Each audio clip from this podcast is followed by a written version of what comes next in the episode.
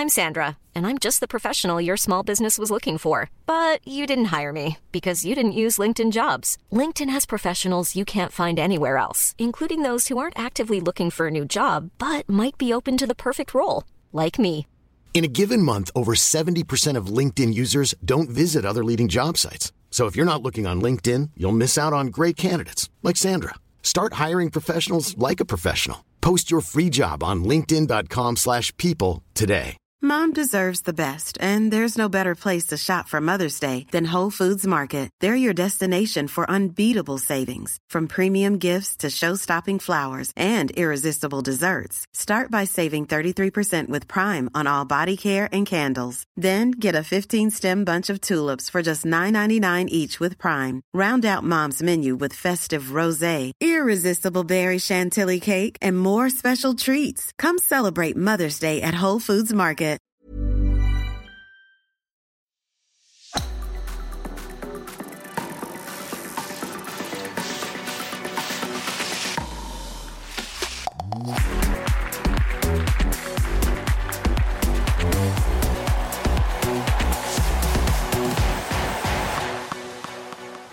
Da jeg på fredag var på Meny Bjølsen her i Oslo for å handle meg en god biff til helgekosen, så la jeg merke til at det var veldig mange kickboksere i den eh, butikken. Altså folk som gikk rundt da, ikke sant, med klubbtøy.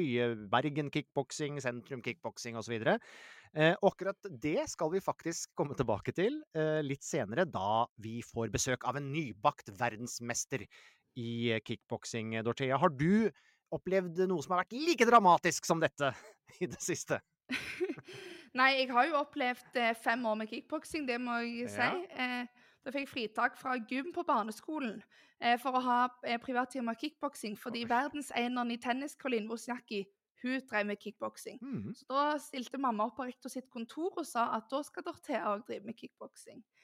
Men nei, siste uka, hva har skjedd? Litt deilig egentlig at Erling Haaland er litt fullvaksinert mot å skåre mål i Champions League-åpningen. Så det nøyd jeg litt. faktisk ikke. Nei. Nei, eh, Nei. så det nøyd jeg litt. Utenom det så har det jo vært eh, sesongstart i ishockeyen. Mm. Eh, så det har jo vært eh, spennende. Og så har det jo vært litt show. Ikke i sportverden da, men eh, han Sindre Finnes må vel kanskje finne seg noe annet å gjøre nå, så han er hjertelig velkommen inn i sportsverden, kan vi vel si. Å ja, kanskje vi skulle hatt han, uh, han her, ja. Uh, han driver i hvert fall og sjonglerer litt, Uh, så får vi se om det, om det kvalifiseres som sport. Og ellers har jo Du bor jo i Sverige. Arman Armand Duplantis har jo satt eh, ny verdensrekord igjen i, stavsprang. da, 6.23 i Eugene på søndag. Han gjør da som Sergej Bubka eh, pleide å gjøre før, ta 1,1 centimeter. Det lønner seg, og du vil jo liksom eh, du, vil, du tar jo ikke for store verdensrekorder om gangen, for du vil jo sette flest mulig og tjene mest Ja, mulig penger og ja. Du vil jo holde deg relevant, sant? Holde deg relevant og bli invitert til eh, stevner, ikke sant? Ja, ja, helt, eh, Og helt klart. Karsten Warholm har blitt slått for andre gang siden Ja. VM, og er ekstremt frustrert. Og konkluderte vel med at han da Da kutter han ned på ferien. Ja. Ja, Så da tar han ikke noe lang ferie. Da er det Ja. bare puste litt, og så rett i hardtrening igjen.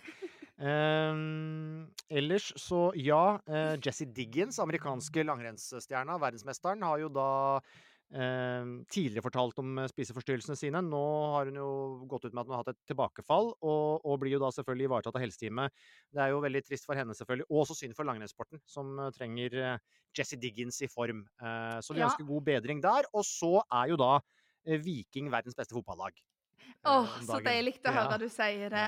Ja, ja. Jeg tenkte at for første gang skulle jeg ikke nevne Viking først, så jeg setter veldig pris på det, Asbjørn. Nei, de er, de er rett og slett verdens beste fotballag. Tenk det. Oi, oi, oi. Det blir eh, utrolig spennende innspurt i Eliteserien. Og, og Otelie Høie sikret da Norges første medalje i bryte-VM. Vi hadde jo Tåsenplogen her i, i forrige uke. Eh, Otelie, som da bare er 20 år, eh, og kommer fra altså representerer Atlas, bryteklubb i Fredrikstad, har jo da trent mye med hun Grace Bullen. Eh, hun tok bronse i 59-kilosklassen. Nei, gud, så Eh, kult. Ja, og eh, dessverre er ikke 59-kilosklassen en klasse i OL, så hun må da ned i 57 kilo og prøve seg i kvalik til våren. Men det skal hun gjøre da. Otilie Høie, kjempetalent i bryting. Grace Bullen skal i aksjon omtrent eh, nå, samtidig som vi spiller inn. Og så skal jo Tåsenplogen og de andre gutta i aksjon litt senere i uka, men da er også bryte-VM i gang. Eh, OK, som sagt så skal det handle om blant annet kickboksing i ukas periode. Eh, vi skal innom litt tennis eh, jeg vil si litt sexy tennissladder Ja. eh, i dag. Eh, og Kjelsås-trener Eivind Kampen kommer for å snakke om neste ukes eh, cupsemifinale mot Molde. Og vi skal snakke med han som fikk flytta selveste Dagsrevyen eh, på NRKs eh, sendeskjema. Men aller først, Dorthea, så blir det sykkel!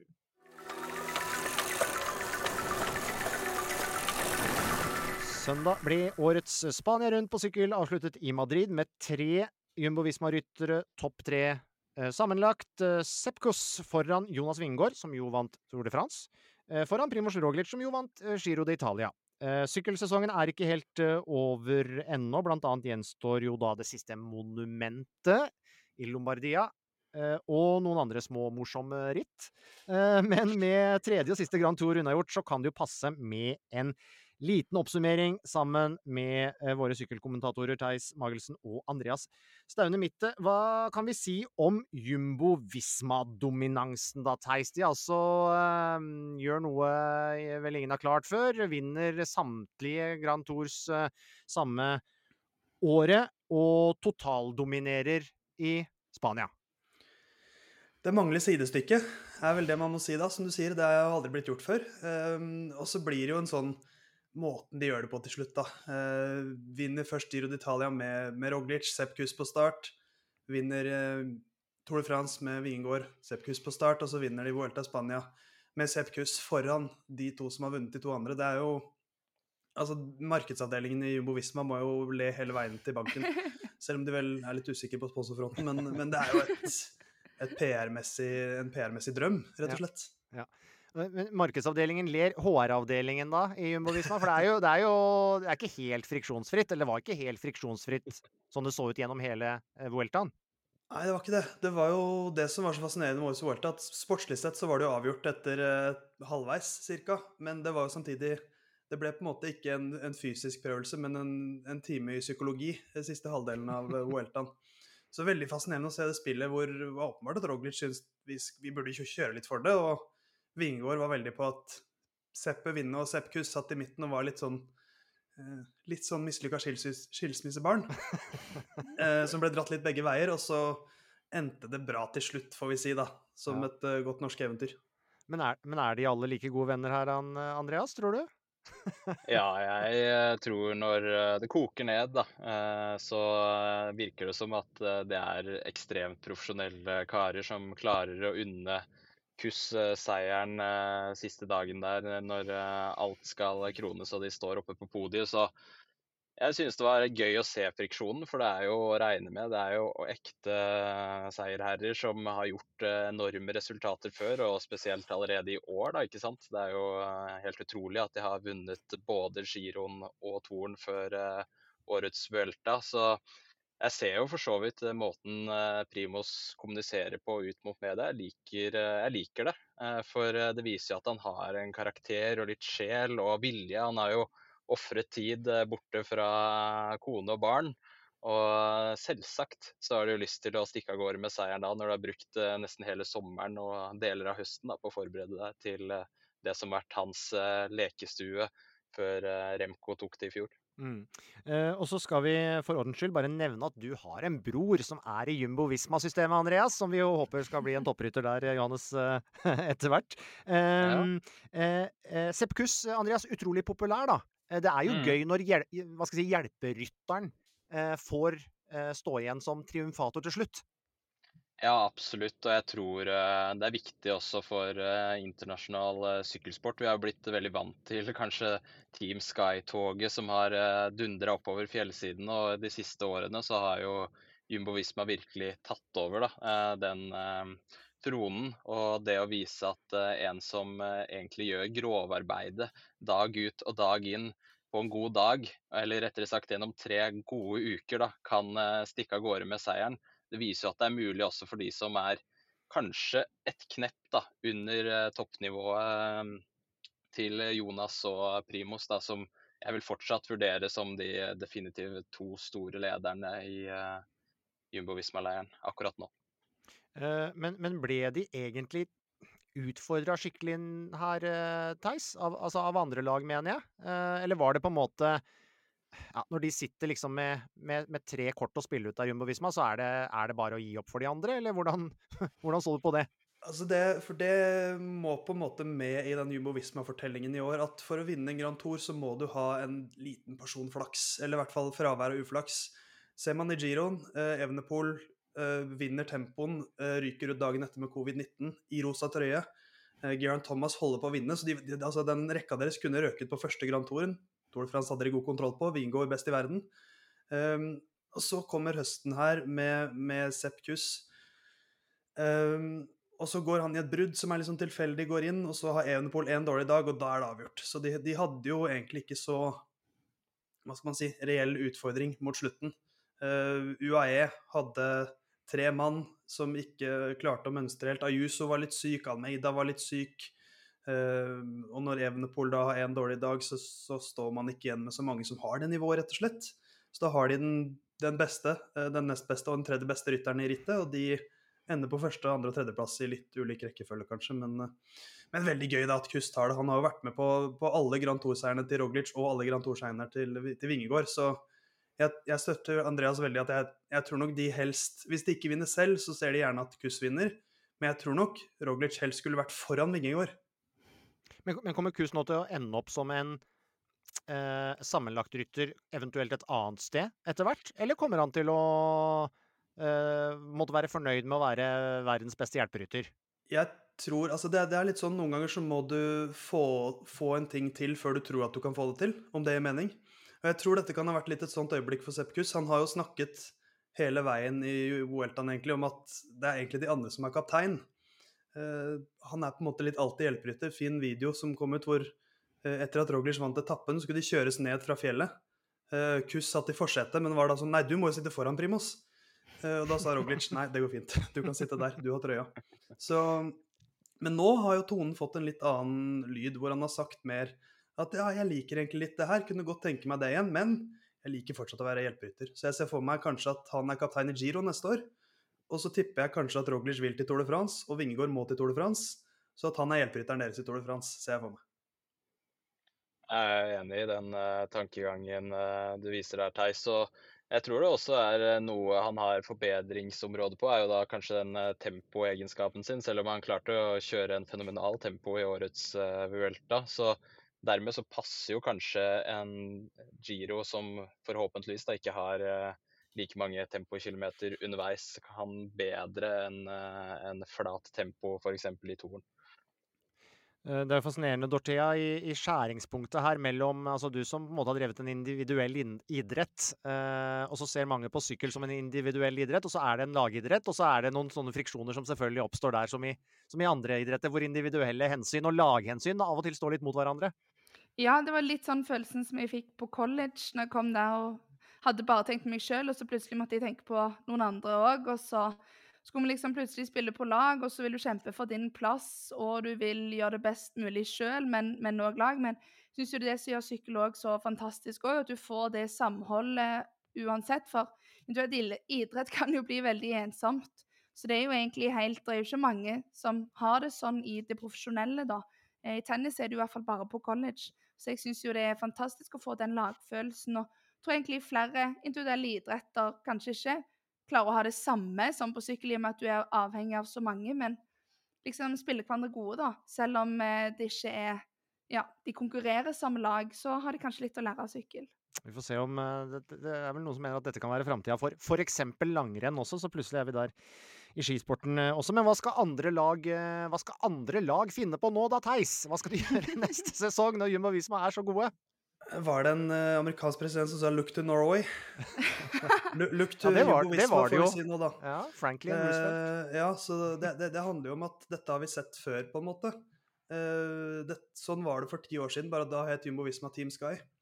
og Jumbo Visma var Belkin og Blanco og hadde ikke sponsor, og de var helt der nede. ser man liksom Grand Tour-lagene de hadde for en seks-syv år siden, så er det et helt annet nivå. Men de, de så mot det beste laget, så hva de gjorde bra, og så tenkte de hva kan vi gjøre enda bedre.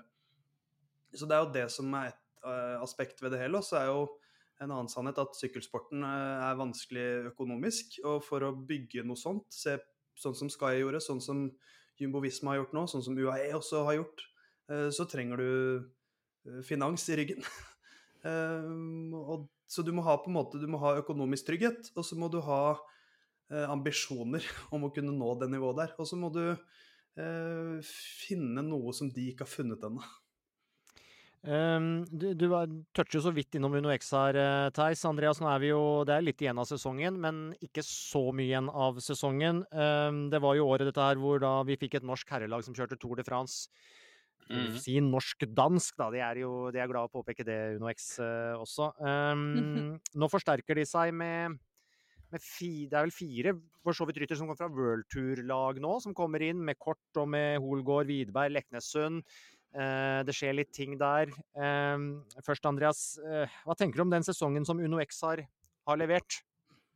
Jeg var veldig spent på starten av sesongen. Virka som de fikk eh, litt sånn kritikk egentlig gjennom sosiale medier i forhold til måten de kjørte på. og at de ikke var offensive nok. Men sånn som sesongen har utvikla seg, i hvert fall sånn jeg ser det, så synes jeg de er med å farge rittene. Det virker som de har bra med selvtillit. Og så er det jo ingen tvil om at de går for uh, disse poengene da, som eh, skal til for å kjøre på og få invitasjon til rittene på de høyeste nivåene. Har jo hatt en ganske fin kamp med total energi, så den tror jeg kommer til å løpe hele veien til døra, sånn som situasjonen ligger an her. Så jeg liker måten de kjører på. Jeg liker at de har fått fram noen nye profiler. Og kanskje favoritten jeg fikk under Tour de France var Jonas Abrahamsen. Da. Det er jo ingen uh, hemmelighet. Så det er, det er, et lag som virker å få ordentlig fart på hva skal jeg si, de ideene de har ligget og kokt på da, de siste sesongene. Og forhåpentligvis med nysignerende så tror jeg de kan ta ett steg til neste år, sånn resultat- og formmessig. Jeg vet ikke hva du tenker der, Theis? Nei, er jo, de er jo akkurat nå det tredje beste laget på sitt nivå. Um, og den kampen mot Total Energis er jo ganske viktig. Den gir dem på en måte De snakker alltid om det neste steget. Um, og klarer de å bli tredje beste pro-laget, så er de jo sikra invitasjon til alle World Tour endagsrittene neste år. Um, de har sykla veldig mange av dem i år, men, uh, men, neste år så vil de da kunne sykle Strade Bianchi, Milan San Remo, Lombardia, de canadiske rittene hvis de ønsker det osv. Så, videre. så da er de jo sikra Eh, alle endagsrittene, som også være et stort steg for dem. Så, så, den liksom, utviklingen fortsetter, og det er et steg de har tatt veldig tydelig i år. Eh, å utfordre Total Energis, som er et godt etablert profflag, det, det, skal vi ikke ta lett på. Så, så, bygger de seg opp videre inn mot neste år og skal sikkert prøve å klatre ytterligere på, på stigen. Eh, vi hadde jo Jens Haugland her eh, for noen uker siden, UnoX-sjefen, og snakka bl.a. om Eh, hvordan de rigger seg selvfølgelig for å ta nok poeng for ved neste korsvei å kunne bli et World Tour-lag. Den, den, strategien der er vel uh, er vel ganske tydelig, Theis, eller, eller, hva tenker du? Også med tanke på hvilke ryttere de nå henter. Og så er på en måte oppfølgingsspørsmålet eh, Hvis de nå skal bli invitert, og kan bli invitert til enda flere litt mer prestisjefylte ritt, eh, har de per nå liksom bredden i gruppa eller blir det tynt smurt utover, sånn som det kanskje kunne se ut noen ganger i vår at de var nødt til å gjøre?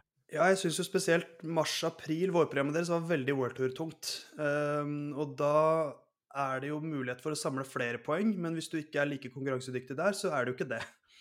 Um, så nå skal de jo sykle Tour Luxembourg denne uka her, Crow Race neste uke. Uh, alt har vi på Discovery Pluss, si. Mm. Uh, og en del belgiske endagsritt osv. Så, videre, så de, det er jo ritt på lavere nivå, hvor de er veldig konkurransedyktige, som de skal være som prolag. Uh, og hvis de da neste år får et enda større World Tour-program, så setter jo det enda større krav til, til stallen, som du sier. Så Kristoff er jo klink-kaptein. Magnus Kort tar det nivået veldig fint. Tiller, Halen Johannessen er bra nok der. Wærenskjold har jo hatt et, et kjempeår. Uh, Leknesund kommer inn. Uh, og da har du plutselig en del kapteiner som er slagkraftige på, på World Tour-nivå, så, så, er spørsmålet om liksom hjelpegruppa kan, kan, bygge opp de, da. Men, men de har nok kapteiner nå til å tåle et World Tour-program, gitt at de kapteinene leverer, da. Mm. Men, uh, men, jeg syns de ruster opp riktig, og så, så, bredden er større neste år. Så de, de bør kunne takle et, et, tøffere rittprogram også, tenker jeg. Um, uh, EM uh, på sykkel i disse dager, det kan du også se på Discovery Pluss. Men hva er høydepunktene som gjenstår, gutter? Vi var jo inne på at uh, det er jo igjen et monument, det femte og siste i Lombardia. men andre ting vi skal, skal få med oss nå i løpet av september-oktober? I Lombardia må jo bare altså Pogacar og Roglic skal dit. Det er første gang de sykler et ritt sammen vel siden juli i fjor. Eh, så det i seg selv er jo interessant. Evenepool skal også dit, så da har du en slags hellig treenighet. Sykkelsporten har mange sånne, men, eh, men de tre blir, blir, gøy å følge. Eh, EM er jo gøy, og så er det jo Høstsesongen er jo litt mer kaotisk på et vis, og det preger også sykkelrittene. At, at syklinga er litt mer kaotisk, og det er jo bare gøy. Så å følge med på liksom Uno X sin poengjakt i det kaoset her, er, eh, er, kanskje mitt tips. Jeg vet ikke hva du tenker, Andreas? Jo, jeg tar og sier meg enig der. Det er jo sånn at uh, Høstsesongen er jo ofte en periode der uh, noen ryttere plutselig står uten kontrakt. de må søke et nytt lag og gjerne vise seg fram. Da. gjerne ta steget ned også. og Forhåpentligvis er det noen som klarer å ta steget opp. Det gjør jo at noen kommer mer formsterke inn i høstsesongen. Det er det man ofte ser i Vueltaen, at uh, toppen kan være så utrolig høy, men bunnivået kan også være ganske labert. Så jeg tror det er med å underbygge en uh, høstsesong som uh, kommer til å bli ganske hektisk. Og så er det jo ingen tvil om at for oss nordmenn, som ikke hadde noen nordmenn i årets Vuelta, så er det jo kult å følge Uno X og de norske proffene i jakten på liksom gull og grønne skoger og forhåpentligvis eh, kanskje et par seire til før sesongen er omme. Ja, det er morsomme ritt. Det går mye opp og ned, føler jeg alltid på høsten. Eh, altså, altså eh, rent geografisk. det er mye bakker. det er liksom ikke så mye flate. eh, herlig. Eh, dere skal vel i aksjon eh, seinere, faktisk, i dag. Er, altså, sykkelsesongen er på ingen måte over på Discovery Pluss og Eurosport, eh, bare så det er sagt. Andreas og Theis, takk skal dere ha.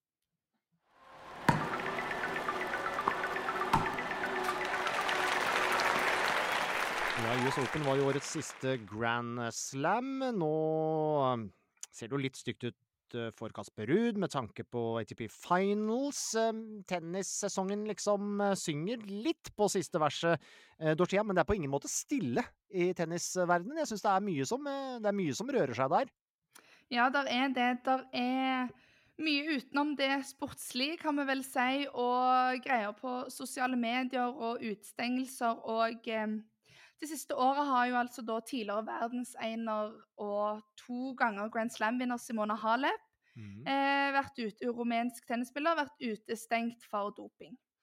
Eh, hennes trener, da, som er kanskje verdens mest kjente tennistrener, Patrick Muratoglu, eh, har jo da klart å komme seg inn i teamet til Holger Rune. Mm. Og Patrick Muratoglu han er jo da en, ja, en stor karakter. Han reiser rundt på tennistouren med egen stylist. Han har et tennisakademi i Nis i Sør-Frankrike, der bassenget er formet som en tennisracket. Og han eh, handler egentlig om å fyre på logoen til sitt eget tennisakademi. Ja, ja. På T-skjortene. Han, han, er litt sånn altså, Han er vel sikkert sånn på TikTok og sosiale ja. medier. Han er jo den typen, ikke sant? Ja, ja, ja. Han er stor på sosiale medier. Og så er han jo liksom 50 pluss, sant? Så det Ja. Um, jo. Så han har jo da vært uten jobb for Simone Halep har vært utestengt for doping. Han er jo mest kjent for å være Serena Williams sin trener når hun tok liksom de siste Grand Slamene sine. Mm. Men hun var jo òg et ferdig produkt når han kom inn i bildet. Mm. Så har han da hevet seg på Holger Rune. Nå har Holger Rune gitt han sparken. Han me mener det var for mye personal interest på Patrick Moratoglu eh, og deres samarbeid, og er nå ute med skade i ryggen, og sier da jeg har fjerna problem fra teamet mitt. Ja. Og det sier han uken etter han ga Patrick sparken.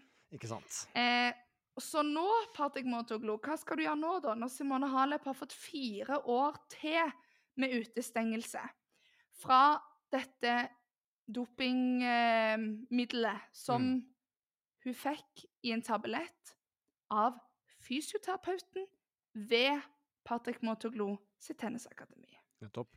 Så det blir jo bare en større og større grav for Patrick. Men ja. han gir seg aldri. Han prøver å redde seg inn. ja. Så han tar til Twitter og skriver da fire sånne eh, 'Follow the post in the next page', altså for han har skrevet så mye. Der han gratulerer Coco Gauff med seieren. Ja. Og det skal sies, Coco Gauff, som vant US Open, hun har trent under sommeren når de har spilt turnering i Europa. Så har hun trent på Patrick sitt akademi. ja. Og det er det han gjør. Han åpner dørene, så folk kan komme og spille der. Og så fyrer han på noen logoer og sier at det er hans spillere. ja. Så kan de bade litt i det der tennisracketformede bassenget, f.eks. Ja, Ja. akkurat. Og bo i Monaco, så de slipper å skatte. Ja, ja, ja. Ja.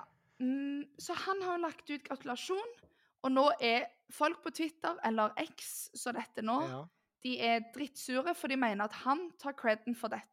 Men Coco Gauff som da endelig vant Eller endelig, hun er jo ikke gamle jenta, men hun vant uh, sin første Ja. Grand Slam. Ja, og Ja. de har jo venta på at hun skulle tatt det neste steg, og hun sa jo det i takktalen sin. Det er mange som har ah, hun blir topp 20, hun blir topp 10. Nei, nei. Avslutta samarbeidet med Patrick Montaglo. ja. Fikk Brad Gilbert, eh, som amerikansk eh, tennistrener, som har skrevet boken som heter 'Winning Ugly'. Mhm. Fikk han på teamet sitt og vinner sin første Grand Slam. Ja. Så Patrick Motoglu han prøver jo alt han kan. Og jeg Ja, han vant Grand Slams med Serena Williams, men etter det så har han jo ikke fått opp noen spillere.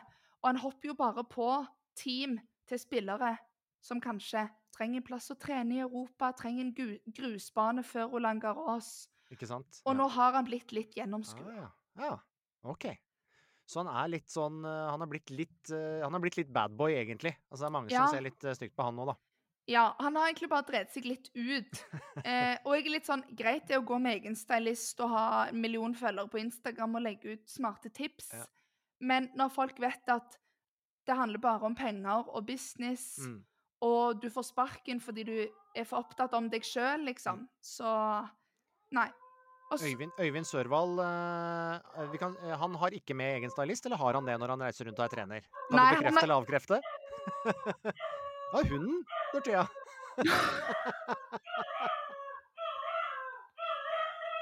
er det innbrudd? det er brannbilen som kjører forbi. Brannbilen kjører forbi. Så da skal Siko hjelpe hele blokka med å ule. ja, ja, Tusen takk, okay. Siko. Ja, men det var bra.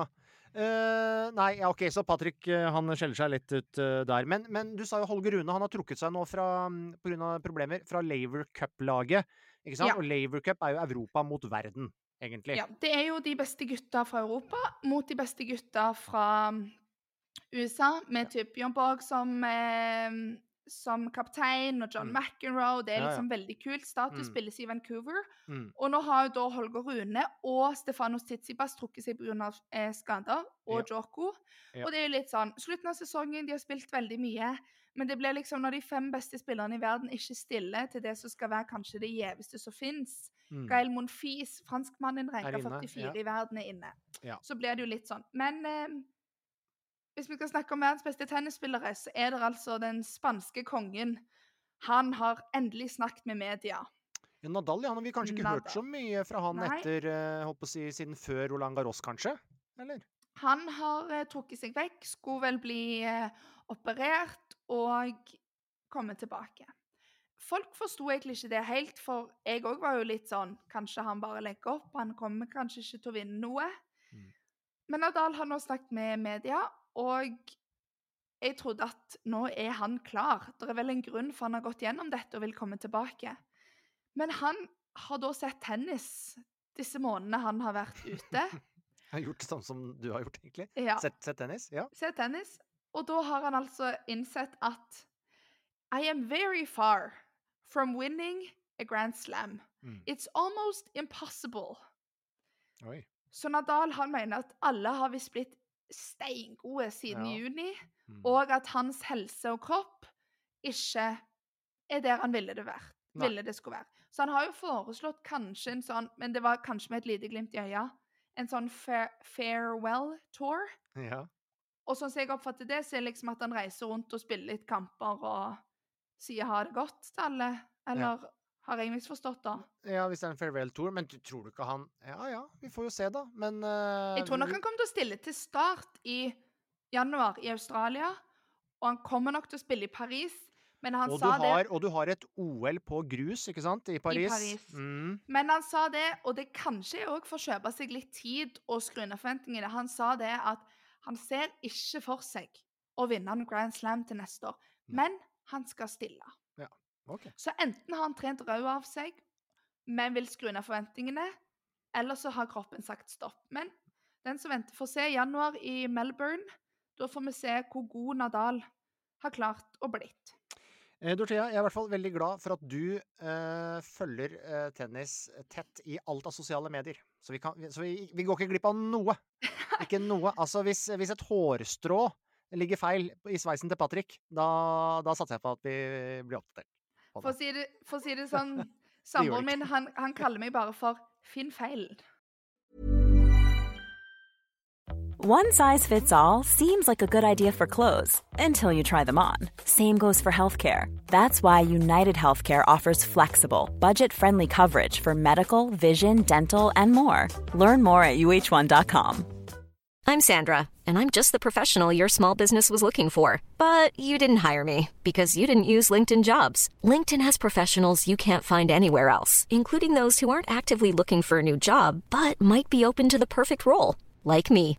In a given month, over 70% of LinkedIn users don't visit other leading job sites. So if you're not looking on LinkedIn, you'll miss out on great candidates like Sandra. Start hiring professionals like a professional. Post your free job on linkedin.com/people today. Many of us have those stubborn pounds that seem impossible to lose, no matter how good we eat or how hard we work out. My solution is PlushCare. PlushCare is a leading telehealth provider with doctors who are there for you day and night to partner with you in your weight loss journey. They can prescribe FDA-approved weight loss medications like Wagovi and Zepbound for those who qualify.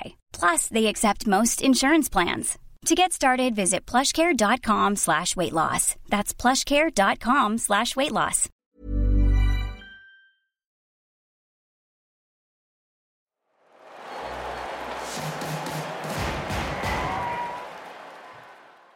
Dorthea, det er ikke så ofte vi snakker om eh, kampsport her, men det skal vi gjøre nå. Vi var jo inne på det innledningsvis.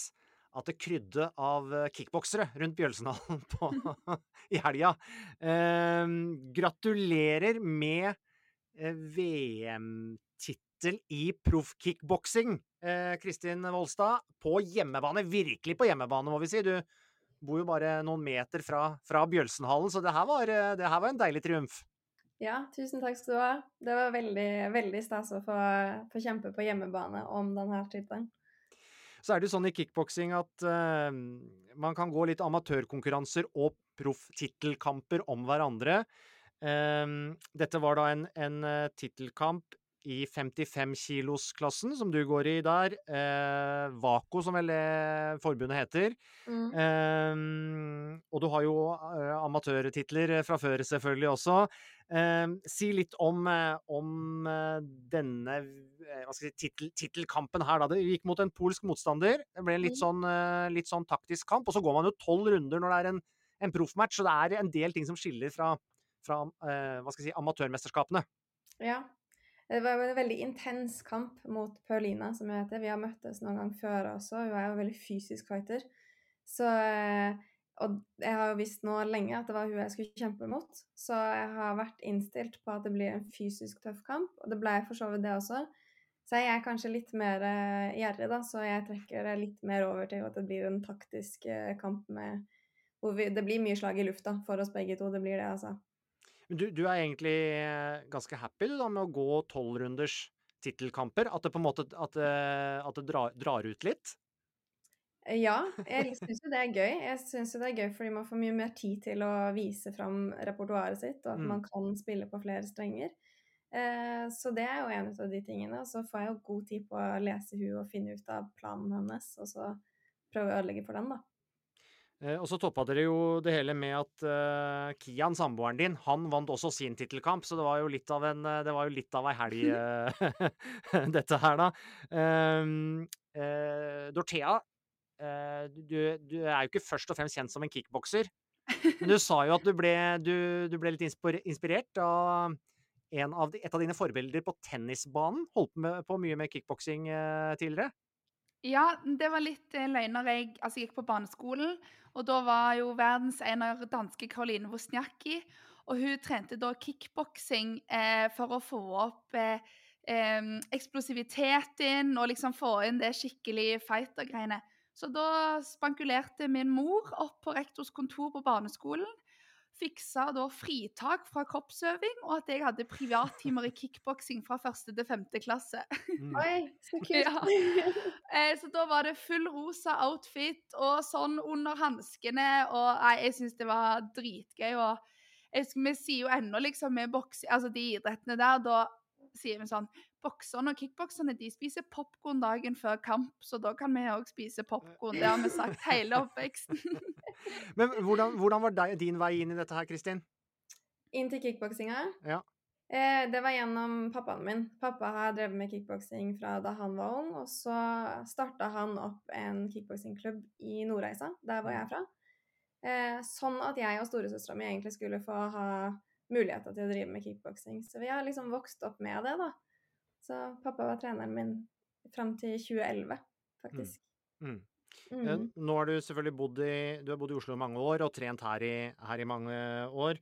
Mm. Eh, og så kommer det kommer jo noen, og ikke minst kvinnelige kickboksere med litt sånn ujevne mellomrom, som, som gjør seg bemerka da med TNS, som Mette Solli, og vi har jo noen sånne navn som vi kjenner godt. Hvordan var det å eh, Du hadde selvfølgelig faren din som trener. Hadde du liksom noen andre forbilder, noen du så opp til, eller hvordan var det?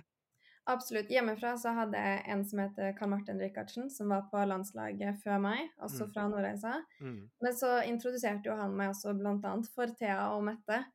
Eh, som da Jeg hadde jo plakat av Mette på, på pikerommet eh, når jeg var liten, og så opp til både hun og Daimi Akin også som landslagstrener. Så det jeg har absolutt hatt veldig gode forbilder. Når jeg kom til Oslo, så var det Thea som tok meg imot, eh, og fikk trene masse med hun, og det var jo en Ja, det var stort for en eh, 19-åring, da.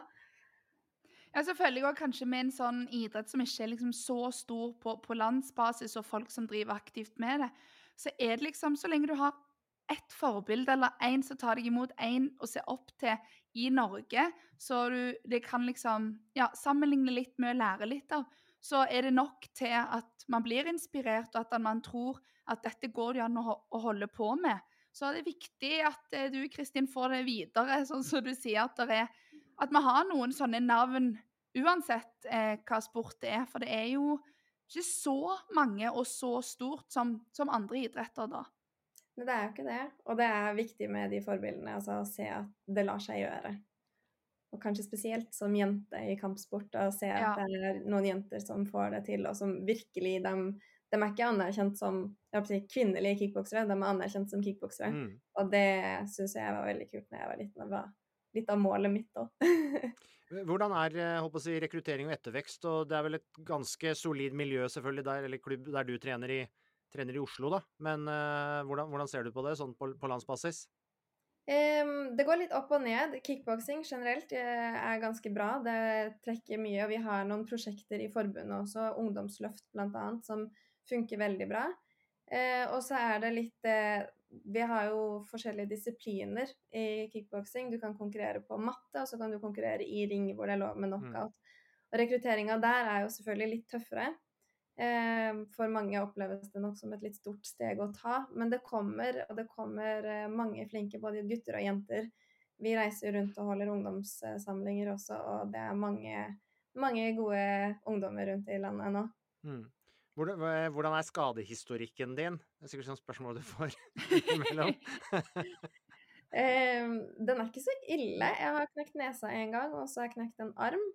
Mm. Og så har jeg hatt noen hjernerystelser, men det er fra håndballbanen. Så ja, ikke kickboksing. Håndball er jo dritfarlig, det òg, altså. Der er ryker jo knær, knær og sånn ryker jo hele tida. Det ja. kjempe, det er jo kjempeskummelt. Jeg har alltid sagt at eh, kvinnekroppen er ikke lagd for fotball eller håndball, for det er for mye vendinger og korsbånd og ledd og Det er liksom, det ryker med. Det er start og stopp hele veien. Står det bedre med skånsom kickboksing, Asbjørn? Ja, ja, jeg er helt enig. Første gang Eh, jeg har hørt noen kalle kickboksing skånsom. Nei, i hvert fall ikke når du Selvfølgelig i hvert fall ikke når du går, går proff og går tolv runder og, eh, og, kan, eh, og kan da knockes ut, potensielt, da. Um, eh, hvor går på en måte veien videre for deg nå? For Vi snakka om at du skulle selvfølgelig kickboksing jobbe for å komme seg inn på OL-programmet. Eh, det skjer ikke nå i 2024. Det kan kanskje få bli en demonstrasjonsgren kanskje i 2028 f.eks. Så det ligger kanskje litt langt fram i, fram i tid. Eh, og så veit jeg at det er et sånn umiddelbart, det er jo et amatør-VM som kommer. Ehm, hvor lenge ser du for deg at du skal, eh, skal kunne satse? Jeg sier alltid så lenge jeg syns det er gøy, og så lenge kroppen tåler det. Jeg har mm. selvfølgelig Noe vondter følger det med å drive med toppidrett, mm. men eh, så lenge vi klarer å holde dem i sjakk, eller jeg klarer å holde dem i sjakk, så, så syns jeg bare det er gøy. Jeg ser at det er utvikling for hvert år som går, og da klakker jeg å legge det fra meg. Så, så lenge jeg syns det er gøy, så er jeg med.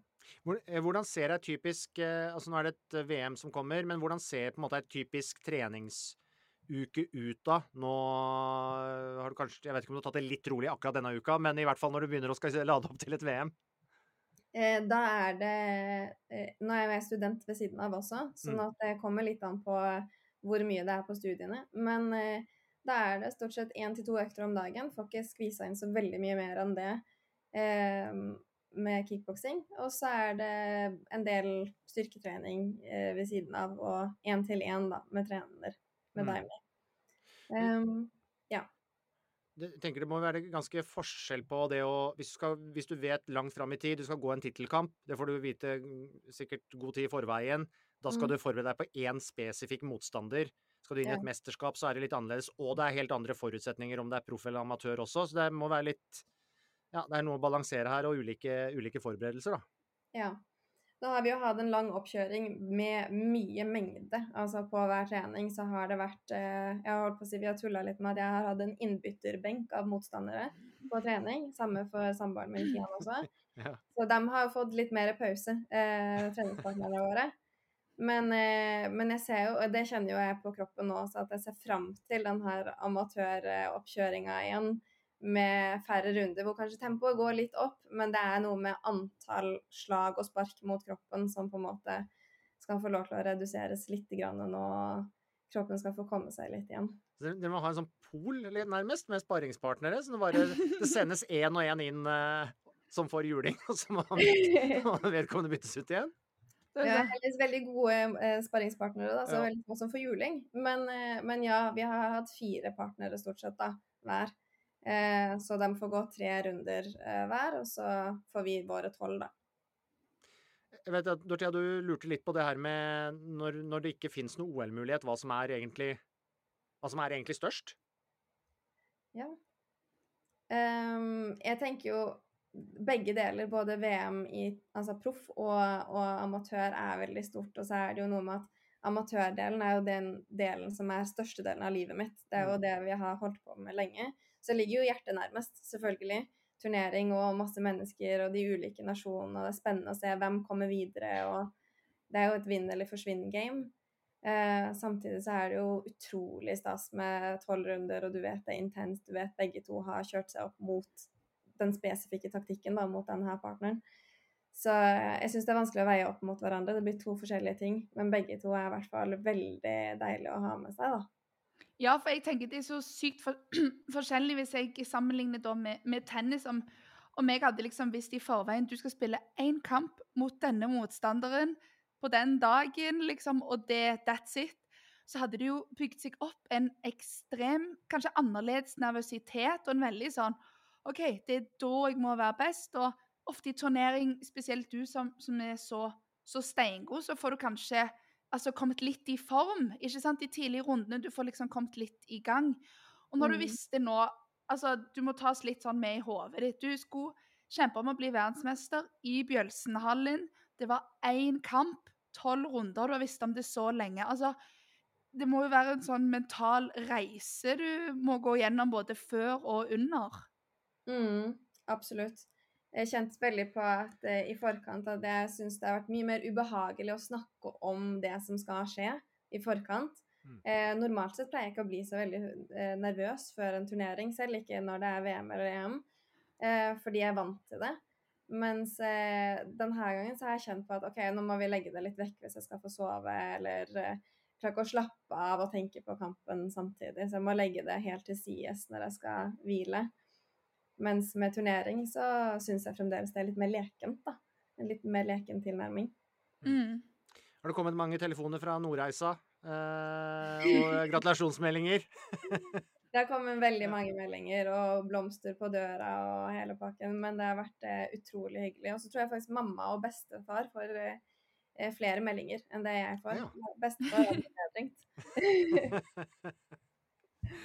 Eh, Det er veldig hyggelig, eh, og vel fortjent. Gratulerer igjen eh, med, med tittelen. Eh, Og så gleder vi oss til å følge deg videre, og så gleder vi oss til å følge med på om kanskje kickboksing havner på OL-programmet etter hvert også. Vi krysser fingrene for det! Takk skal du ha, Kristin, for at du var med. Takk for praten.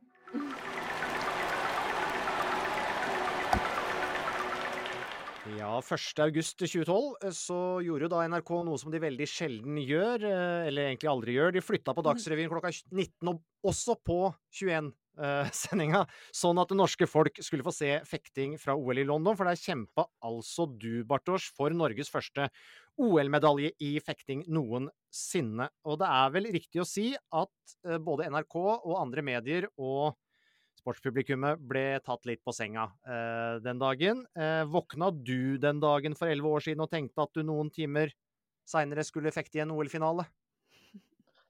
Nei, det skal være såpass ærlig på at jeg ikke så den komme. Eh, Jeg hadde jo planlagt en eh, sesongavslutningsfest jeg, på slutten av dagen. Og de kompisene som eh, eh, var og så på eh, OL i London, de kjøpte ikke billetter til den der evening, evening session som var semifinale og finaler.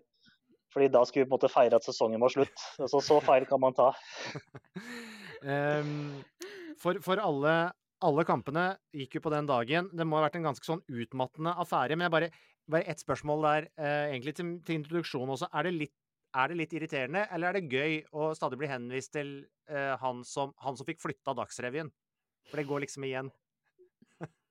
Ja, jeg syns det er litt stas, ja, fordi altså, navnet mitt er jo vanskelig å huske. Så jeg blir jo liksom omtalt enten som han fekteren Ja, eller han som flytta Dagsrevyen. Og det er på en måte helt greit. ja, ja. Det Det er en ikke de diverse tingene å bli, eh, bli gjenkjent etter det, altså. Nei da. Jeg trives godt på det.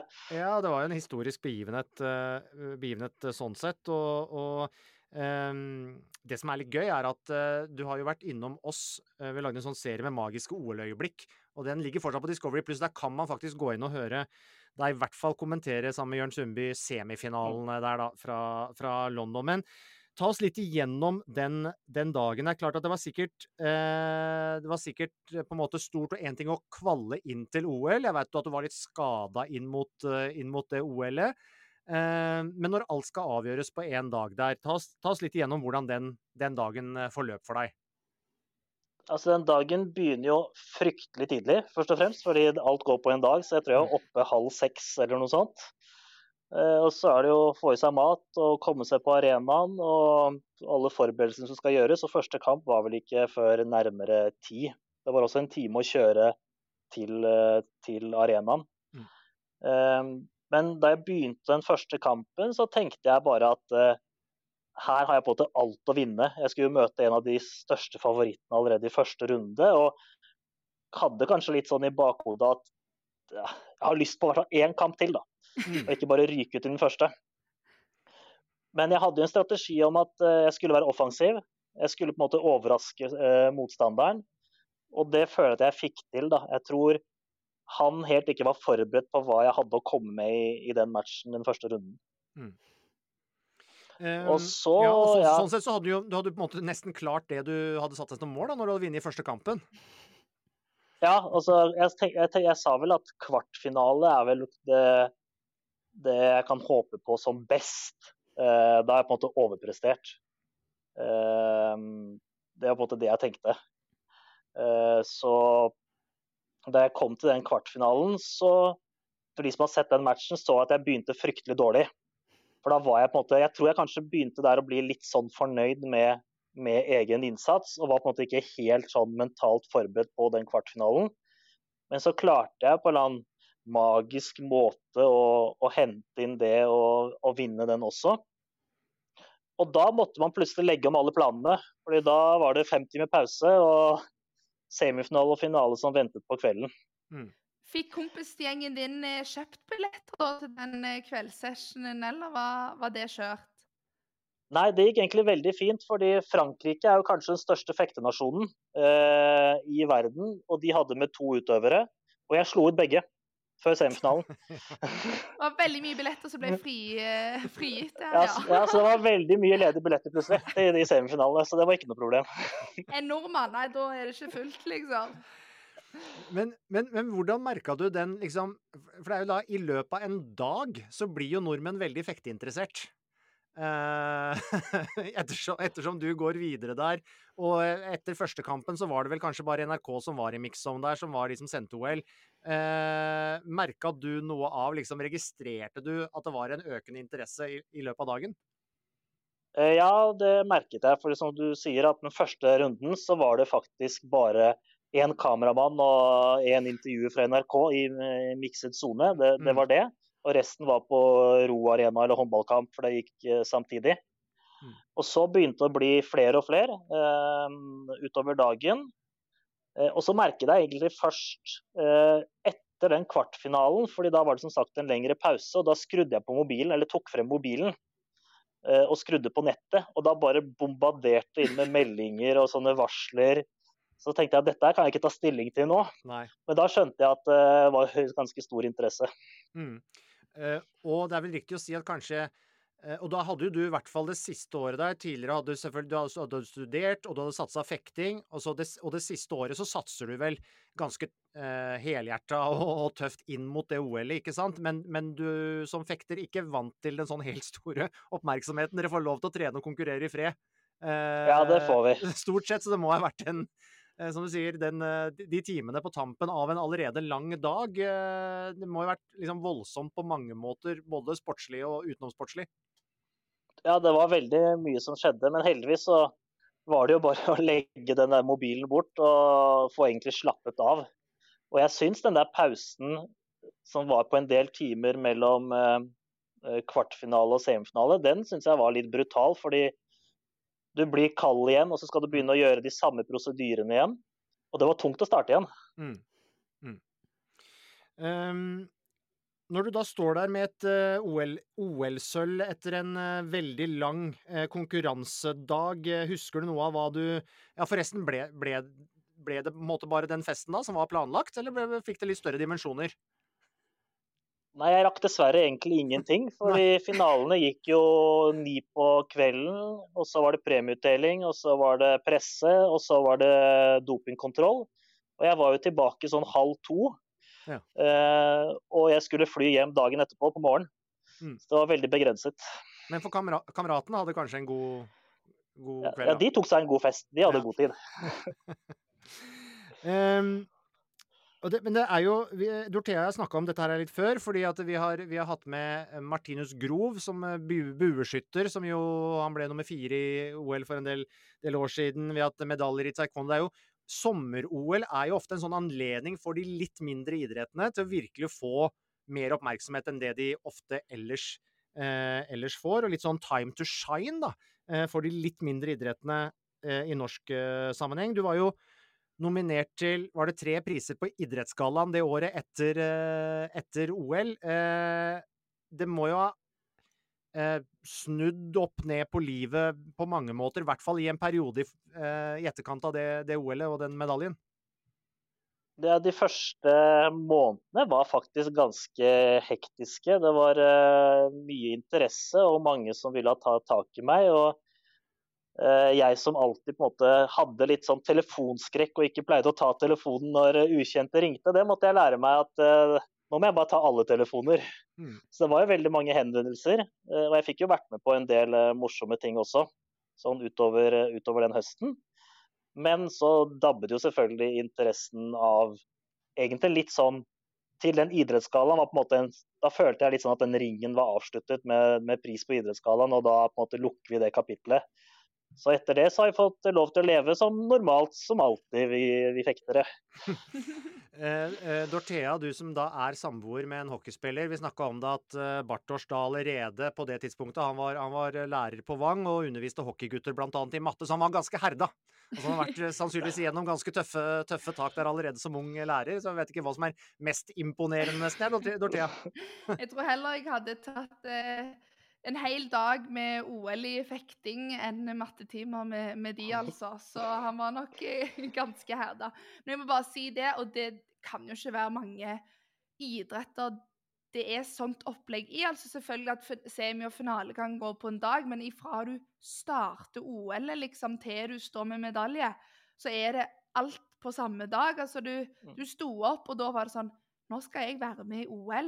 Og når jeg legger meg i dag, så vet jeg om jeg har liksom, ja, fått en medalje. Det er jo helt spesielt, og det må jo ha tatt litt tid før du fikk landa òg. Så jeg tenker sånn som du sa etter den idrettsgallaen, at du landa vel først da, kanskje? At ting liksom fikk eh, ja, synke litt inn. Og du, sånn som du sa, Aspen, du hadde jo en jobb og en hverdag. og Hvordan ble satsingen etterpå, egentlig, OL da i London? Nei, altså Jeg bestemte meg egentlig for å satse i fire år til. Eh, mest fordi jeg ville bevise også for meg selv at dette her var ikke en sånn engangshendelse. Og for at de økonomiske vilkårene ble plutselig også bedre med stipender og sånt. At man kunne på en måte satse mye friere enn det uh, man gjorde før. Og den første sesongen var jeg altså Det var jo veldig dårlig. Altså Kanskje en av de dårligste sesongene jeg har, jeg har gjort.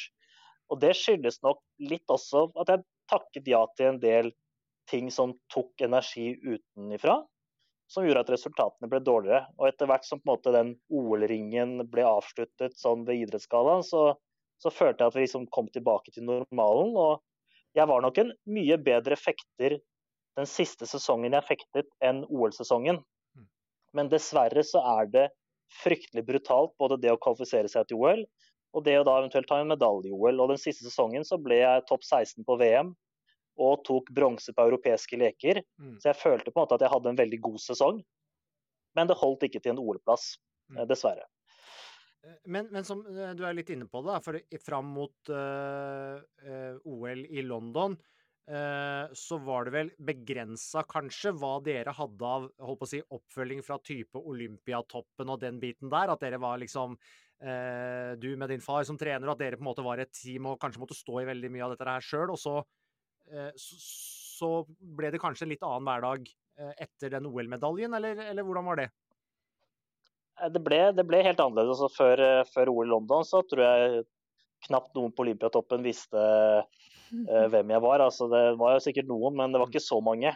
Og det, og det forandret seg selvfølgelig. Uh, og så får man jo stipender og tilgang til en del ressurser uh, som hjelper veldig på, på selve satsingen man får muligheten til å få mye mer sparring utenlands. og Det var kanskje der jeg merket det mest. At det ble mye mer turer til utlandet og mye mer trening med de som faktisk er best. Men, men livet etter den internasjonale satsinga da, det er vel ikke så lenge siden du var, et, var med i et norgesmesterskap? Altså du, du, har ikke lagt korden helt, uh, helt bort. Uh, men det er kanskje det, det sivile livet som er mer i, mer i fokus? Ja, helt klart. Jeg er med på NM fordi jeg syns det er gøy å delta på NM. Mm. Eh, og alle har mulighet til å delta. Eh, så det syns jeg på en måte er, er, gøy. Å prøve å slå ungdommen selv om antall treningstimer ikke er så mye å skryte av om dagen. Det blir gjerne sånn veldig kjapp oppkjøring par uker før NM. Jeg må bare, jeg må bare si det, det er jo det verste vi visste. Når de som hadde vært steingode, bare ikke ga seg, fortsatt var i form. Og vi liksom sånn Alt vi ville, var å slå de. Så det er godt de får bryna seg, men du er jo fortsatt, eh, fortsatt god, ja. Ja, men jeg skjønner at det er vanskelig for de yngre, fordi kampene er korte og intense. Og i en enkel kamp kan ganske mye skje. Mm. Um, og jeg har jo så mye erfaring og rutine som ikke de har, og de føler nok at de har alt å vinne, og at det blir flaut å tape. Mens jeg tenker at her skal jeg prøve å liksom lure ut en seier. Mm. Uh, og så får man uh, seire, da. Det jeg merker størst utfordring med på en sånn NM-deltakelse, er at jeg ikke holder en konkurransedag lenger. Og alt skjer jo fortsatt på en dag. Så jeg skulle gjerne hatt en sånn der NM over en uke. Med én kamp per dag. NM-veka uh, i fektinga ja. burde, vært, burde vært, vært en hel, hel, uke. Du, også er jo Du er jo du, altså, du er jo på ingen måte ute av sporten, fordi at du er involvert i forbundet og på den sportslige sida der. Uh, altså, um, hvor langt er vi unna en ny OL-medalje i fekting? Det er selvfølgelig vanskelig å si. Det kan jo, kan jo ta noen år, da, med tanke på at det bare har blitt én. Mm. Og man måtte vente siden 1896 på den, så det blir mm. vel etter vår levetid. Eh, men eh, jeg føler at det jobbes godt med de yngre, og jeg har ansvar for en sånn utviklingsgruppe som eh, jeg prøver å sette sånn klare og tydelige rammer på, at man skal trene seriøst. Men det som er utfordrende, er at veldig mange slutter når de blir studenter. Da tar de en utdannelse istedenfor, naturlig nok, og så begynner de å jobbe. Så vi mister veldig mange der.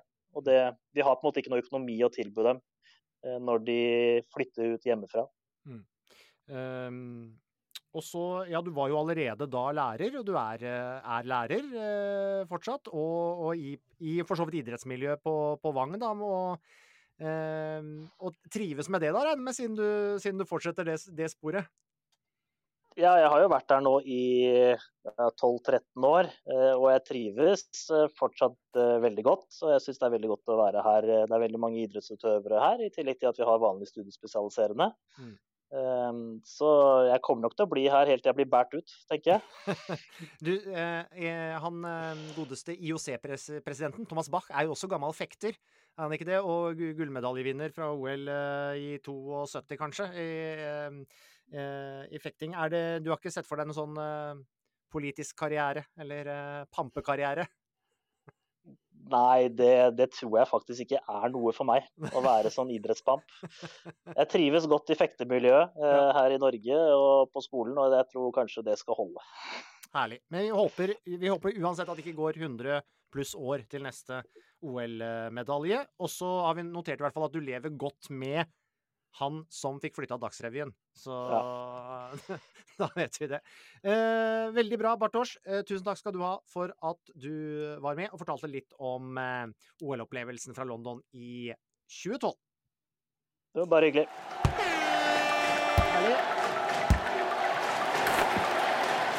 Ja, nå fotball, for i neste uke så er det duket for semifinaler i cupen for eh, herrer begge spilles i Oslo, faktisk. Vålerenga tar imot Bodø-Glimt, og Kjelsås er vertskap for eh, Molde.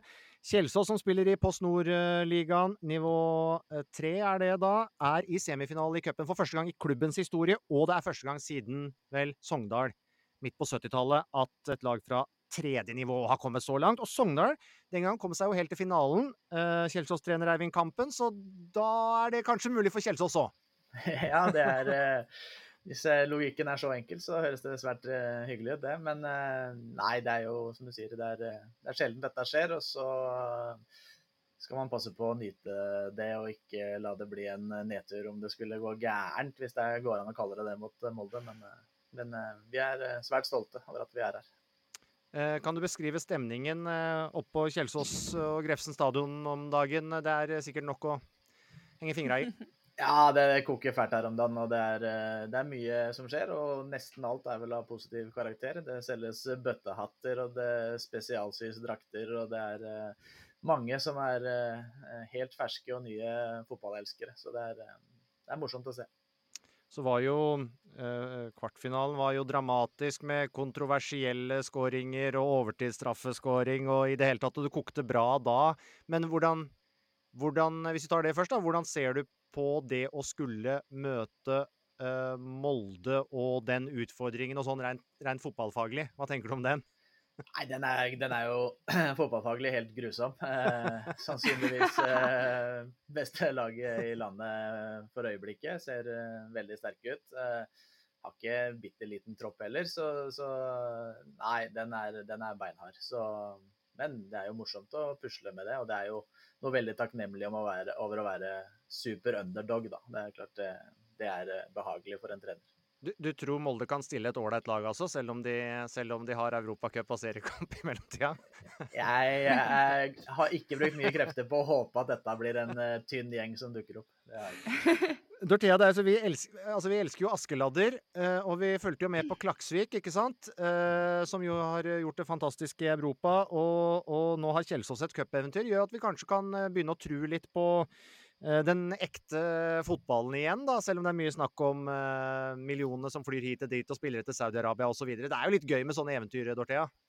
Ja, jeg syns jo dette er mer gøy enn Saudi-Arabia. Og, Og vi kan tro på, men òg for andre klubber òg. Og breddefotballen, de, de små. Du kan, du kan, være i organisasjoner og i klubber som, som spiller på nivå tre, og få jobbe deg opp i, i, samme klubb og få muligheten til å spille en semifinale i cupen. Det, det, er jo kjempekult. Og jeg tror det er viktig for, for norsk fotball òg å se at trenger ikke bare gå til de beste klubbene som spiller ute i Europa. Du kan få sånne opplevelser og, og få det samholdet. Så skaper du vanvittig interesse, da. Det må du gjøre. Sånn som så, sånn så du sa her, Eivind, det er jo en liten sånn fotballbølge og litt kaos på, på Kjelsås. Men det gjør jo at folk tror jo. sant? Det er, det er skikkelig eh, håp og kult. og Nei, jeg, jeg elsker sånne underdogs og litt sånn eh, eventyrhistorier som vi kan snakke om i mange år, egentlig.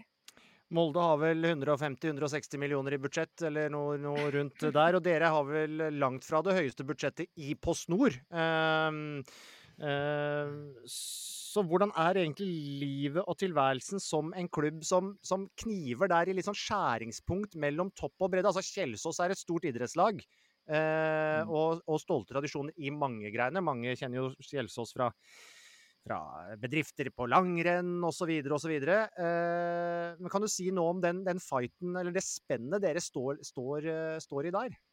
Ja, men det er jo veldig krevende på, på, på, mange måter. Men så er det også veldig ryddig på et vis. Da, for vi, vi, vi veit på en måte hva hverdagen vår krever av oss. Ikke, vi kan ikke fantasere så mye om å hente inn den og den spilleren for å tette et hull, eller uh, det skal løfte oss videre. Så det er veldig sånn uh, enkel inngang uh, på med arbeidshanskene, og så må vi jobbe knallhardt hver eneste dag. Så, så, så, den delen av det er jo litt enkel. Og så er det klart man skulle ønske seg at vi vi var litt større, og at spillerne kunne brukt enda mer tid på, på, idretten sin og sånne ting. Som det etter hvert har begynt å bli mer og mer av i Post Nord også, da. Eh, vi henger litt etter der. og så er det jo et Oslo-perspektiv inni det her òg. At det har skjedd utrolig mye i Oslo-fotballen de siste åra, med, med, Koffa som har blitt kjempesvære. Du har en pornoarv nede på Nordre Åsen, og du har en Grorud som har blitt et akademifisert storbruk. Så og så kommer jo gamle storheten Lyn tilbake med, med lommene fulle plutselig. Så, så eh, Oslo-fotballen har jo forandra seg veldig fort, og det har jo vi merka godt også. Så i det bildet så er det jo litt ekstra spesielt at vi i år eh, får til det her cupeventyret. Men eh, ja, øh, og, og, så har vi selvfølgelig et Vålerenga som vel kanskje nå mobiliserer til å klare seg i Eliteserien. Men det, det, har vært en sånn, tydelig skifte der, for det er jo ikke så mange år siden det på en måte bare var Vålerenga. Og så var det knapt nok et Oslo-lag i Obos-ligaen. Lyn har jo en mm. mulighet til å rykke opp nå, som du, som du er inne på. Så det har skjedd ganske, ganske mye der, da. Uh, jeg husker jo at Kjelsås spilte kvalik til Eliteserien. Uh, på slutten av 90-tallet. 98 var vel kanskje det. Og så etter det så har det stort sett vært mange sesonger nå da på på, på nivå tre. Hvordan er det å finne plassen sin i det hierarkiet her? Du er litt, litt inne på det. Ja, og det der er jo vanskelig, fordi jeg tror eh, den dagen du mener du har funnet plassen din i hierarkiet, så kommer du til å stupe fort nedover. da. Så klart, mm. Vi sikter jo mot stjernene hele tida, og så er det en ganske fin prestasjon å bli værende i Post Nord. Men i idretten så kan man liksom ikke si at dette er hylla vår, fordi du, du altså, fotball er drømmer og illusjoner, og du skal prøve å utvikle deg. og Jeg tror nesten alle fotballspillere, når de går ut, om det er oldboys eller barnefotball, så drømmer de om den der helt superkampen hvor alt bare limes i krysset og du er helt uh, siso. Så, så, vi er liksom ikke der at vi er fornøyd med å, å stå stille. Vi, vi, vi utvikler oss hele tiden. og det jeg tror jo også at vi er i den semifinalen er et bilde på at eh, på stornivået har blitt veldig bra. Eh, det er ikke sånn at vi driver og danser rundt eh, på det nivået akkurat og, og, banker folk hver uke. Så, så det, er et, det, er en del av et litt større bilde i norsk fotball, tror jeg. det kan jo ikke være så mange klubber på nivå tre som har sendt flere spillere oppover enn det Kjelsås har gjort de, de siste åra. Uh, Seinest nå i sommer, selvfølgelig. Og, og vi hadde jo en ja, Rasmus Eggen Winge som starta nå for Stabæk, og så var det vel Halvorsen til Sarpsborg som er lånt tilbake, og litt lenger tilbake der var det Sigurd Rostedt, og det har vært mange. Painsil nå i Tromsø flyr høyt der, og, og, i det hele tatt. Hva er det som gjør at dere lykkes så godt med spillerutvikling eh, oppe på Kjelsås? Nei, Jeg tror det er litt tilbake til det jeg snakka om uh, tidligere her. At vi Korta våre er delt ut. da. Vi må jobbe fryktelig hardt. Eh, det eneste vi er helt sikre på, er at vi ikke er drita gode. Så vi har ikke noe Det er ikke mye nykker og latskap her oppe. Uh, og det lager noen utrolig fine karakterer og typer av spillere.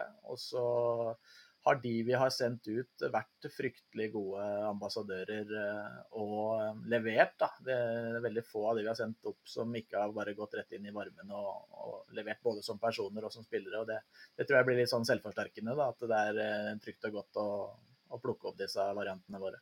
Så men det kommer jo med en liten bismak for deg da, som sitter som trener og kanskje helst vil ha disse gode guttene og, og talentene i egen klubb, men så er du selvfølgelig sikkert glad på deres vegne òg. Men hvordan har det vært med å liksom oppnå så suksess og sånn? når du er i nivå tre, så er jo kanskje det det alle spillerne vil. ikke sant? Komme opp på, på A-laget og så komme seg videre. Ja. Men eh, du har nok kanskje hatt litt lyst til å tviholde de, i hvert fall når du skal møte Molde i en semifinale i cupen. Ja, det er en fryktelig rar suppe av følelser. For du, du syns det er eh, veldig fint å se hvor glade disse gutta blir over å nå målsetningene sine da, og få muligheten til å være fotballspiller på heltid. Og, og, og ja. så, det, så det er jo noe utrolig vakkert over det. og og så er det selvfølgelig veldig slitsomt å begynne litt på nytt. da, ikke sant? Særlig det året her så, så hadde vi jo da Painsil og Midtskogen som forsvant eh, etter fjoråret. Og så forsvinner nå Vinge og, og Halvorsen underveis. Så klart fire Det sier seg sjøl at det, når du går rett til Eliteserien fra Kjelsås, så har du hatt en ganske viktig posisjon i den eh, gruppa her. Så, så det er slitsomt. Men uh, vi må bruke den energien til å jage fram de neste. Så det er bare sånn det er. Har uh, Eliteserien vært uh, Eliteserieklubbene vært flinke nok til å se på nivå tre og se litt sånn i egen, ikke si bakgård, da, men nedover i eget uh, system? Altså, Thomas Berntsen så sikkert noen Kjelsås-kamper, og Tromsø har vært flinke, men har, mm. har, har, på en måte alle vært flinke nok til det? Nei, det, synes er, det er vanskelig å si. Jeg, jeg, er jo veldig overbevist om at det er mange Post Nord-spillere som er klare for å, å, gjøre gode figurer i Eliteserien. Og jeg tror det vil komme sånn jevnt og trutt òg. Så er det sikkert Det er jo gjevere kanskje å ha vært, i hvert fall, å finne gullet i litt mer eksotiske strøk. Eh, det er litt mer imponerende hvis du har eh, vært nede i et eh, litt rart land og funnet skatten. En bedre historie, men, men, jeg er helt sikker på at det er veldig mulig å finne kjempedealer i Post Nord. Nå har, du, nå har du vært i Kjelsås i er det tolv sesonger. Eh, mm. Stig Mathisen var vel der i nesten 20 som, eh, som, trener. Hva er det med Kjelsås som gjør at det er så trivelig å være trener der i så, så mange år, så mange sesonger? Nei, det er vel mer at de eh, ikke blir kvitt oss, er det ikke det? Nei, men det er, det er, en litt sånn familieklubb. Vi skiller oss litt ut i Oslo. Vi er en litt sånn bygdeklubb i, i byen. Eh, rekrutterer veldig lite i barne- og ungdomsfotballen. Da er vi liksom veldig tydelige for eh, lokalområdet eh, og prioriterer det. Det er veldig annerledes enn nesten alle vi kan sammenligne oss med nå, som driver litt mer sånne akademisjapper. Det skaper en identitet, det skaper et samhold, og så blir den følelsen av å, oss mot verden veldig sterk her oppe. Så det er, det er koselig her. Eh, men det er ikke, det er ikke tvungen éntouch framover på trening lenger, som det var eh, med Stig Mathisen. Nei, men han er innom innimellom og, og lurer på hva alle disse toucha er for noe. Så, så vi, vi, får noen påminnelser, og vi er nok eh, på den mer direkte siden av fotballen eh, fremdeles. Men det er langt til Stig. Han er svært skuffa over det vi holder på med. Jeg husker da jeg flytta eh, til Oslo fra Hadeland for sånn drøyt 20 år siden. Det var vant til at det lå en strøken gressbane med fem kilometers mellomrom. Eh, og, og, du er fra Valdres og, og, på en måte kom til Oslo kanskje noen år seinere. Men eh, opplevelsen av Oslo-fotballen har vært et voldsomt løft på anleggssida selvfølgelig med kunstgressbaner og sånn i løpet av de siste 20 åra. Der har det skjedd, eh, skjedd ganske mye. Eh, engasjementet rundt Oslo-fotballen, det å få folk til å stille opp. Nå har det vært snakk om at det er et frafall både blant de frivillige, kanskje et frafall fra idretten etter korona osv. Hvis du ser på det i et mm. litt sånn større perspektiv. Det er noen ganske tøffe kamper som må, må tas for at dette her skal liksom leve videre like sterkt, kanskje? Det er uh, fryktelig slitsomt i Oslo-fotballen uh, på mange måter. Er, uh, du er litt inne på det med identitet. Der prøver vi jo, som jeg var inne på, at vi er litt bygd i byen. Men det er klart, det, Oslo er mye innflyttere. Det er lite lokalpatriotisme. Så å dra næringslivet i gang er, er vrient. Og så er det jo ingen tvil om at Oslo er sånn desidert dårligst i landet når det kommer til anlegg og, bytte av kunstgress og den biten. Det er jo stusslig fra ende til annen. Du ser Koffa driver og kjemper om opprykk til Eliteserien nå tusler over en motorvei til og fra kampene sine. Altså Mm. spillerne, ikke publikum. Spillerne er må stoppe trafikken. Mm. Så klart det er eh, Jeg tror ikke det, du finner noen Oslo-politikere som stiller opp på, på guida tur og sier 'se hva vi har fått til'. Så det er noe som må tas tak i og blir veldig spennende de neste åra. For klart eh, det er, det er eh, katastrofe, det som skjer på anleggssida i Oslo. Ehm, hva gjør du nå de siste dagene inn mot, eh, eller uka som er igjen til eh, cupsemifinalen? Hvordan eh, prepper du gutta best mulig? Dere har vel en seriekamp i mellomtida der òg, til alt overmål mot et Molde-lag? Ja, vi har, Treff.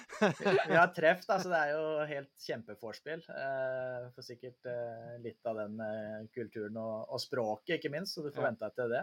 Ja. Eh, så nei, så det er jo veldig vanlig foreløpig med inngang mot, eh, mot treff vi driver med nå. Og så eh, skal man ikke late som man ikke har titta innom eh, litt Molde på veien. Så, så det blir nok eh, enda litt mer av det også de neste dagene. Men vi skal nok få tida til å gå, i hvert fall.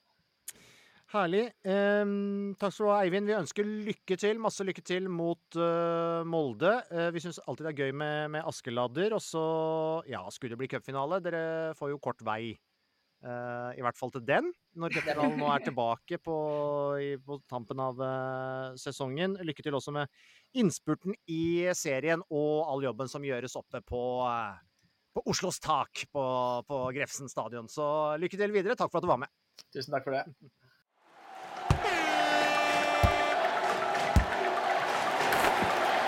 Ja, Dorthea, ble du inspirert nå til å ta opp igjen kickboksingkarrieren eh, din, eller? Ja, jeg husker jeg ble ganske inspirert når jeg så Thea som var med på 'Mesters mester', og nå med Kristin.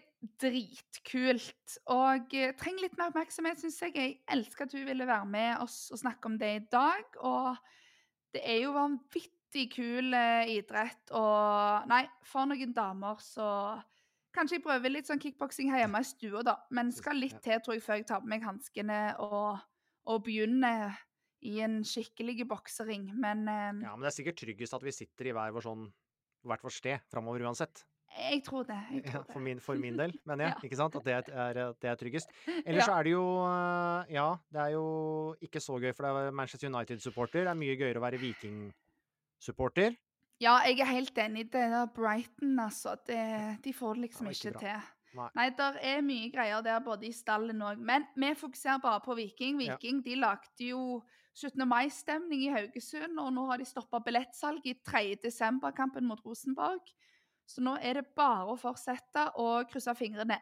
Litt mye bortekamper som kommer nå, Asbjørn. som vi Men det var, ikke, det var ikke du som var den, den maskerte vikingsupporteren som prøvde å klatre opp på balkongen til Haugesund? eh, Det kunne vært. Ja, det kunne vært deg, det. Ja, jeg tenkte det at jeg står ved siden av Mimir i baristerene. Det kunne vært meg, men det var det dessverre ikke. Eh, og skal du i bryllupet til Jakob Ingebrigtsen på lørdag? Nei, det skal jeg ikke. Men hjemmebane på Snap, der må dere se, for der er søskenbarn Martha Ingebrigtsen, som òg er gift med Sandnes Ulfs Fredrik Torsteinsbø. Okay, Ja. Hun skal i bryllupet, og hun Oi. skal vise alt på Snap. Oi, ja, for dere har en sånn uh, Snap Housewives of eh, Norwegian Athletes eh, Snap-konto? Ja, hvis vi tar det på engelsk, så blir det vel det. Men vi er altså ti damer. Ja. så er jeg sjøl at jeg er dame. Jeg er jo litt yngre, da. Eh, som eh, viser dagen vår. Så jeg har vel da hver tiende ellevte dag. Så det er jo Ja. Jeg har funnet at det er meg og, og fotballdamene. Ja. Så veldig, veldig gøy. Og da får vi se litt eh, at vi òg har en helt vanlig hverdag. Men på lørdag da blir det gøy, for da skal Jakob gifte seg. Nå følte jeg meg veldig gammel. Veldig gammel. OK, da tror jeg vi skal runde av. Snakkes, eh, ses i neste uke, da. Snakkes. Snakkes.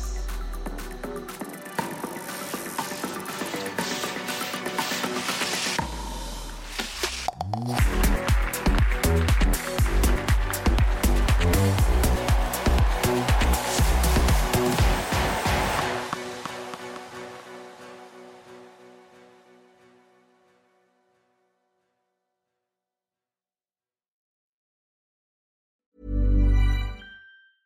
Mom deserves the best, and there's no better place to shop for Mother's Day than Whole Foods Market. They're your destination for unbeatable savings, from premium gifts to show-stopping flowers and irresistible desserts. Start by saving 33% with Prime on all body care and candles. Then get a 15-stem bunch of tulips for just $9.99 each with Prime. Round out Mom's menu with festive rosé, irresistible berry chantilly cake, and more special treats. Come celebrate Mother's Day at Whole Foods Market. Why don't more infant formula companies use organic, grass fed whole milk instead of skim? Why don't more infant formula companies use the latest breast milk science? Why don't more infant formula companies run their own clinical trials? Why don't more infant formula companies use more of the proteins found in breast milk? Why don't more infant formula companies have their own factories instead of outsourcing their manufacturing? We wondered the same thing. So we made ByHeart, a better formula for formula. Learn more at byheart.com.